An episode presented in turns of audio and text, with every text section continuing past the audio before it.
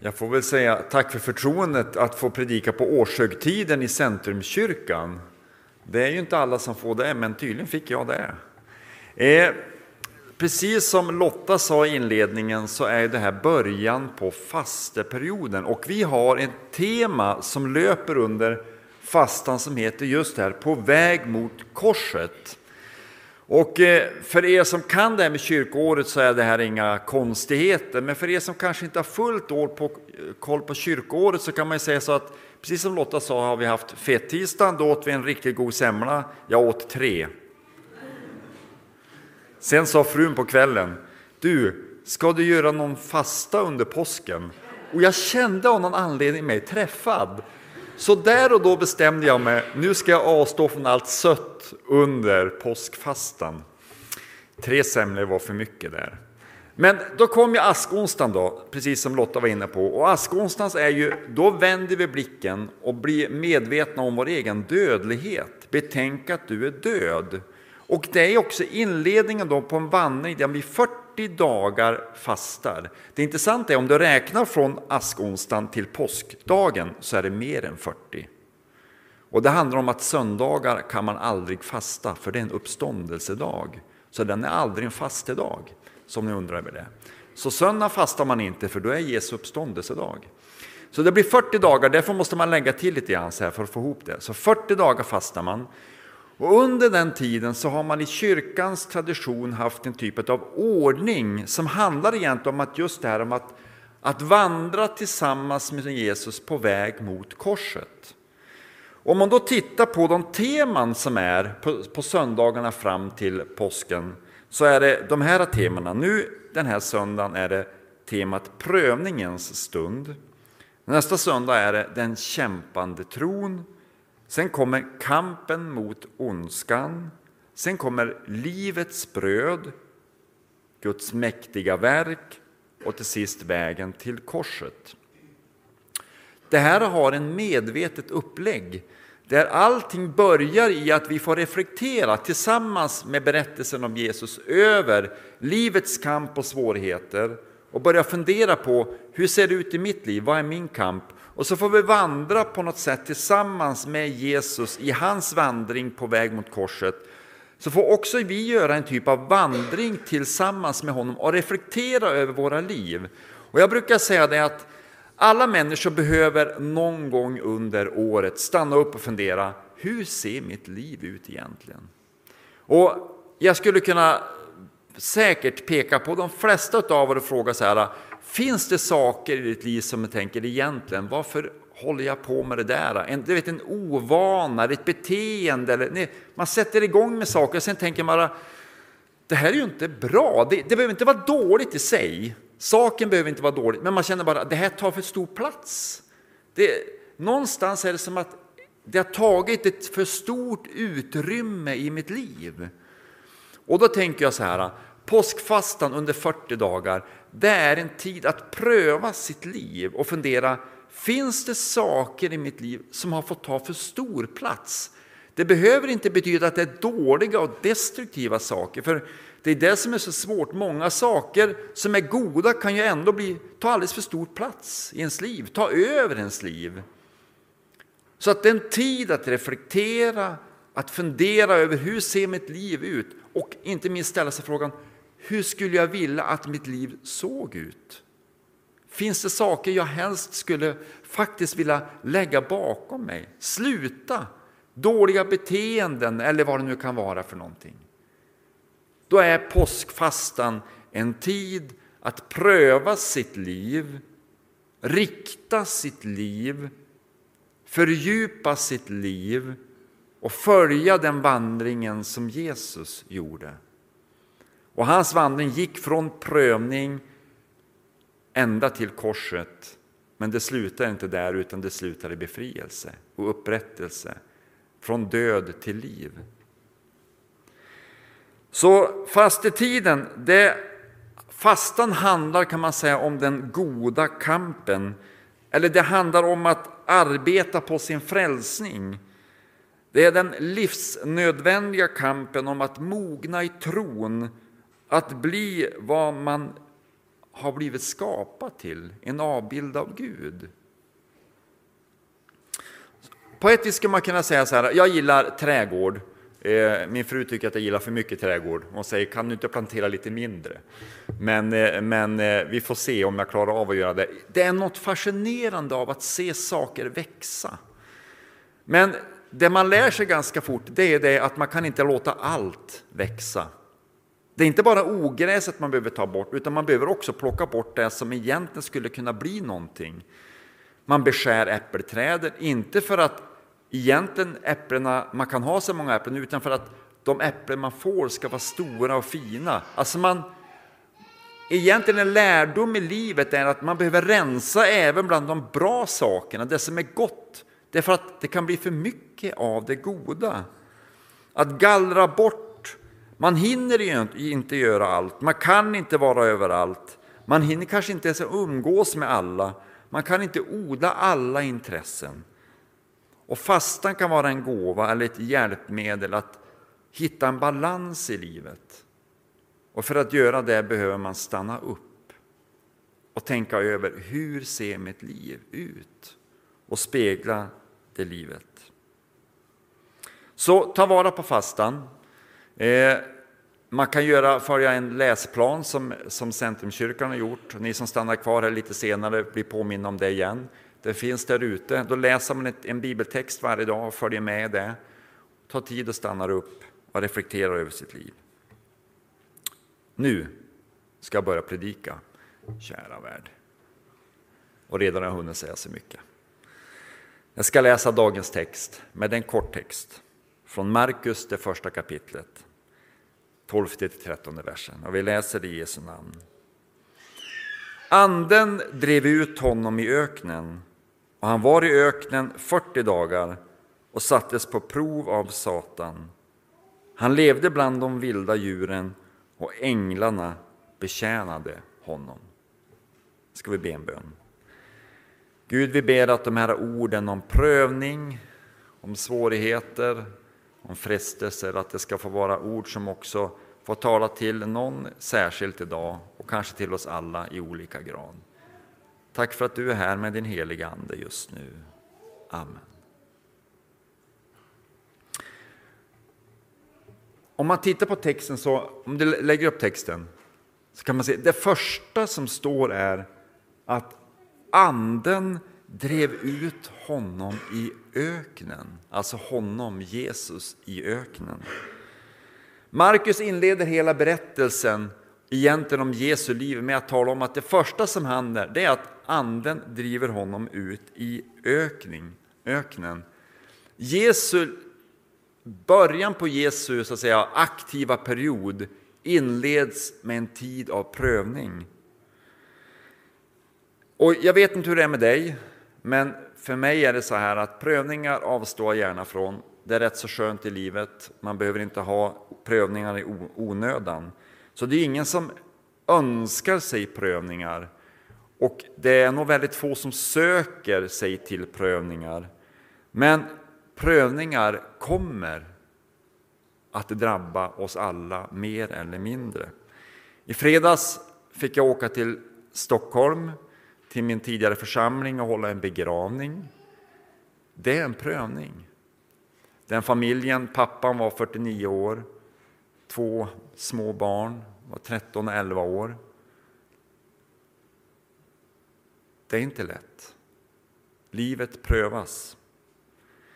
Och i ordet prövning ligger insikten om att det är inte en lätt sak, det är någonting svårt. Och det är tydligt om man läser i Bibeln att prövning är en del av kristen tro. Den kristna tron är inte befriad från prövningar utan istället kan man säga att Bibelns berättelse är full av människor som prövas i livet, som har det svårt och kämpar. Man kan ju ibland läsa Bibeln och tycka att Bibeln är endast nästan full av de berättelserna. Prövningar och svårigheter i enorma mängder. Och det jag bara vill säga först och främst så här, det är att jag tror inte att allt lidande är prövningar från Gud. En del tänker så att jag drabbas, och det är ganska lätt att säga varför Gud, när någonting händer en. Men det är inte säkert att det är varför Gud, det är inte ett fel att ställa den frågan. Men jag tänker mig att jag uppfattar inte att Bibeln säger att allt det som drabbar oss är något som Gud låter drabba oss. Utan vi lever i en brusten värld. Och i den här brustna världen drabbas vi av den brustenheten i mer eller mindre olika mått. Och det är inte Gud som låter oss drabbas av det, men det verkar samtidigt som, precis som den texten vi läser, att ibland så kan Gud sända en prövning eller använda en prövning i livet för att hjälpa oss att fördjupas och riktas. Anden sände honom ut i öknen för att prövas. Och prövning, det handlar om att prova och tränas i uthållighet. Och det som kommer av en prövning, det är att man växer. Man, brukar, man kan ju tala om ordet frestelse och prövning. Frestelse, det säger Jakob så här. Ingen som blir prövad kan säga att det är Gud som frestar honom. Gud kan inte frestas av det onda och själv frestar han ingen. Blir någon frestad är det alltid av sitt eget begär som han lockas och snärjs. Jakob verkar säga att det här med frestelse, det är något som kommer inifrån mig själv, medan prövningen på ett vis kommer utifrån mot mig. Men prövningen har ett gott syfte.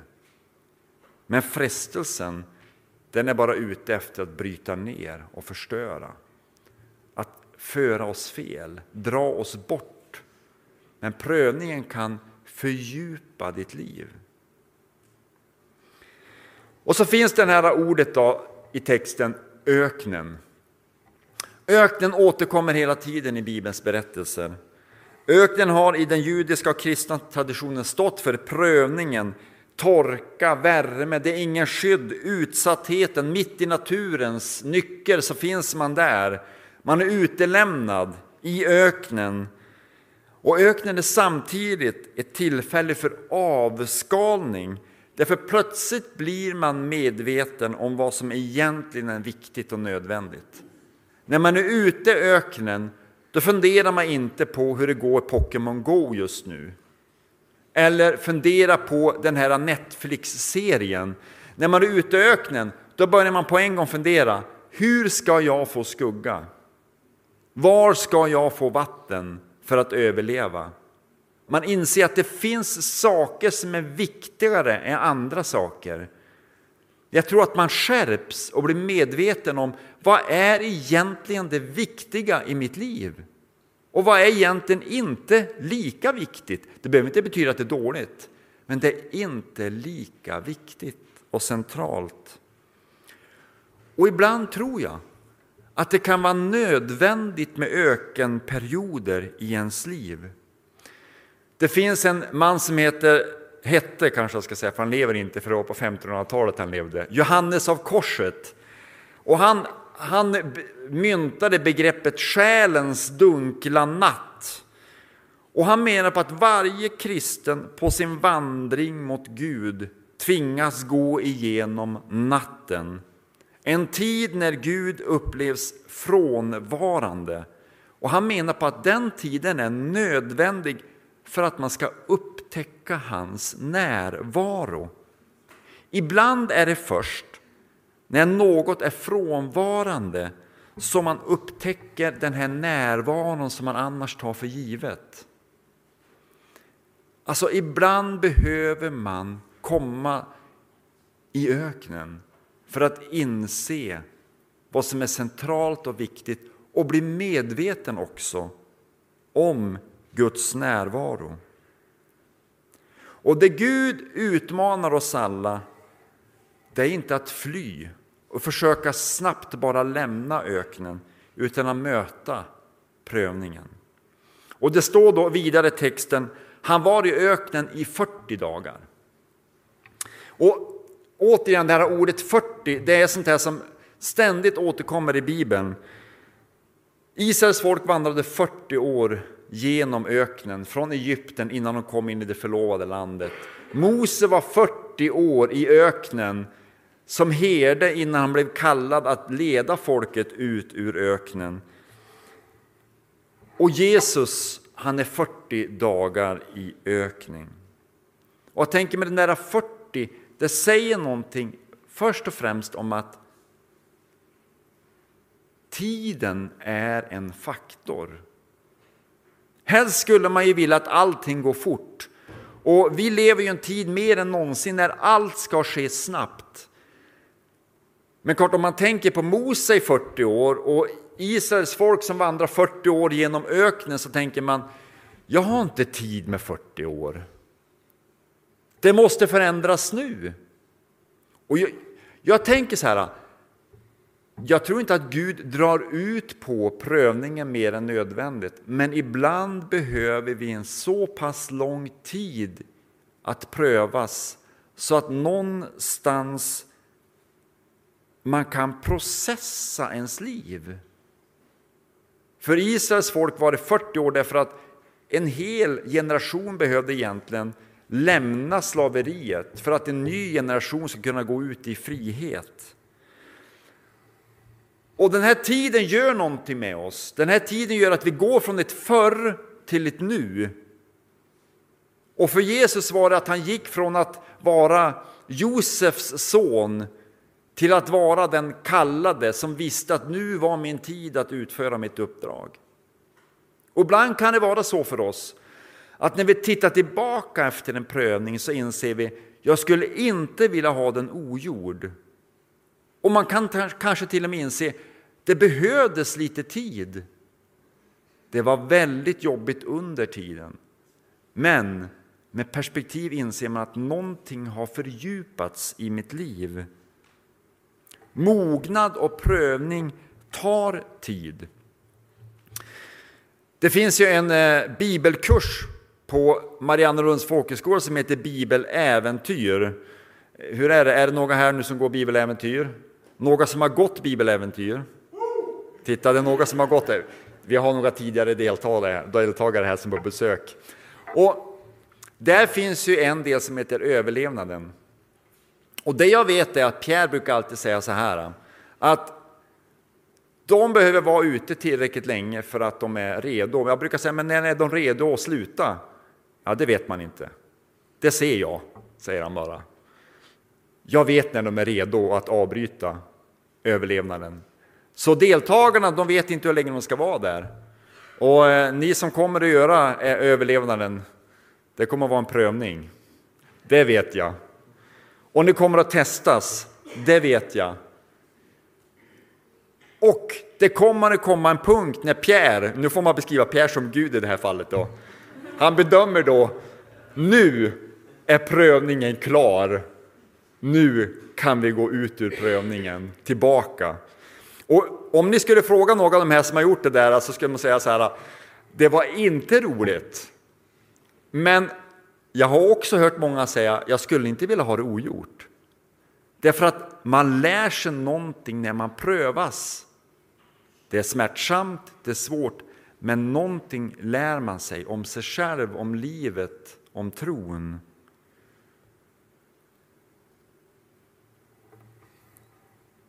Vidare står det, han sattes på prov av Satan. Texten beskriver att det är Satan, inte Gud, som prövar eller frestar Jesus. Gud låter någonstans det här ske, men det är inte Gud som gör det. Bibeln är tydlig med att det finns en motståndare, en som vill splittra och förstöra, en som vill dra isär, leda oss bort, som vill förvränga mig själv och min självbild och förvränga hur jag ser på den här världen och allting. Och som, hela, som så att säga, frestar oss. Och frestelsen är ut, är, syftet med frestelsen är någonstans att man kan säga dra oss bort från centrum. Förvrida verkligheten. Och Markus han, han beskriver ingenting av vad det är som djävulen frestar med. Men om man läser i Lukas så kan man få reda på vad som djävulen frestar Jesus med. Då kan man säga att det, det han frestar med det är att Jesus ska använda sin makt för sin egen skull. Du kan ju göra bröd av de här stenarna. Du kan göra vad som helst. Så här. Och Jesus väljer att inte falla för frestelsen. Alltså, mycket av frestelse handlar djupast sett om att sätta sig själv i centrum. Det kan tyckas vara goda saker, men egentligen är det för min egen själviskhet som man gör det. Men det är inte Gud som frestar. Det är djävulen. Vi har en verklig motståndare som vill dra oss åt ett annat håll. Och vi behöver ibland påminna oss om det. En som inte vill att vi ska gå åt det hållet, utan som vill dra oss åt precis motsatt håll. Och så står det, han levde bland de vilda djuren. Texten fortsätter med att beskriva att Jesus under 40 dagar lever bland de vilda djuren. Många menar på att det där är ett sätt för författaren att föra texten tillbaka till den första berättelsen som finns i Bibeln, skapelseberättelsen, Adam och Eva, som också levde mitt bland de vilda djuren. Och det vi vet är att Jesus var, har fått också namnet den andre Adam. Adam, den första Adam, och nu kommer den andra Adam som också frestas. Och precis som Adam och Eva frestas, men faller för frestelsen när ormen viskar i deras öra, så faller inte Jesus för frestelsen och prövningen, utan han består den. Jesus hade ett fritt val, men han valde det goda. Och han levde mitt bland djuren och fanns där, precis som Adam och Eva, men gick en annan väg. Och till sist står det så här, änglarna betjänade honom. Och en viktig sak att se när det kommer till det här med prövning, det är det att å ena sidan är prövningen en ensam ökenvandring och samtidigt är det så att du inte är ensam.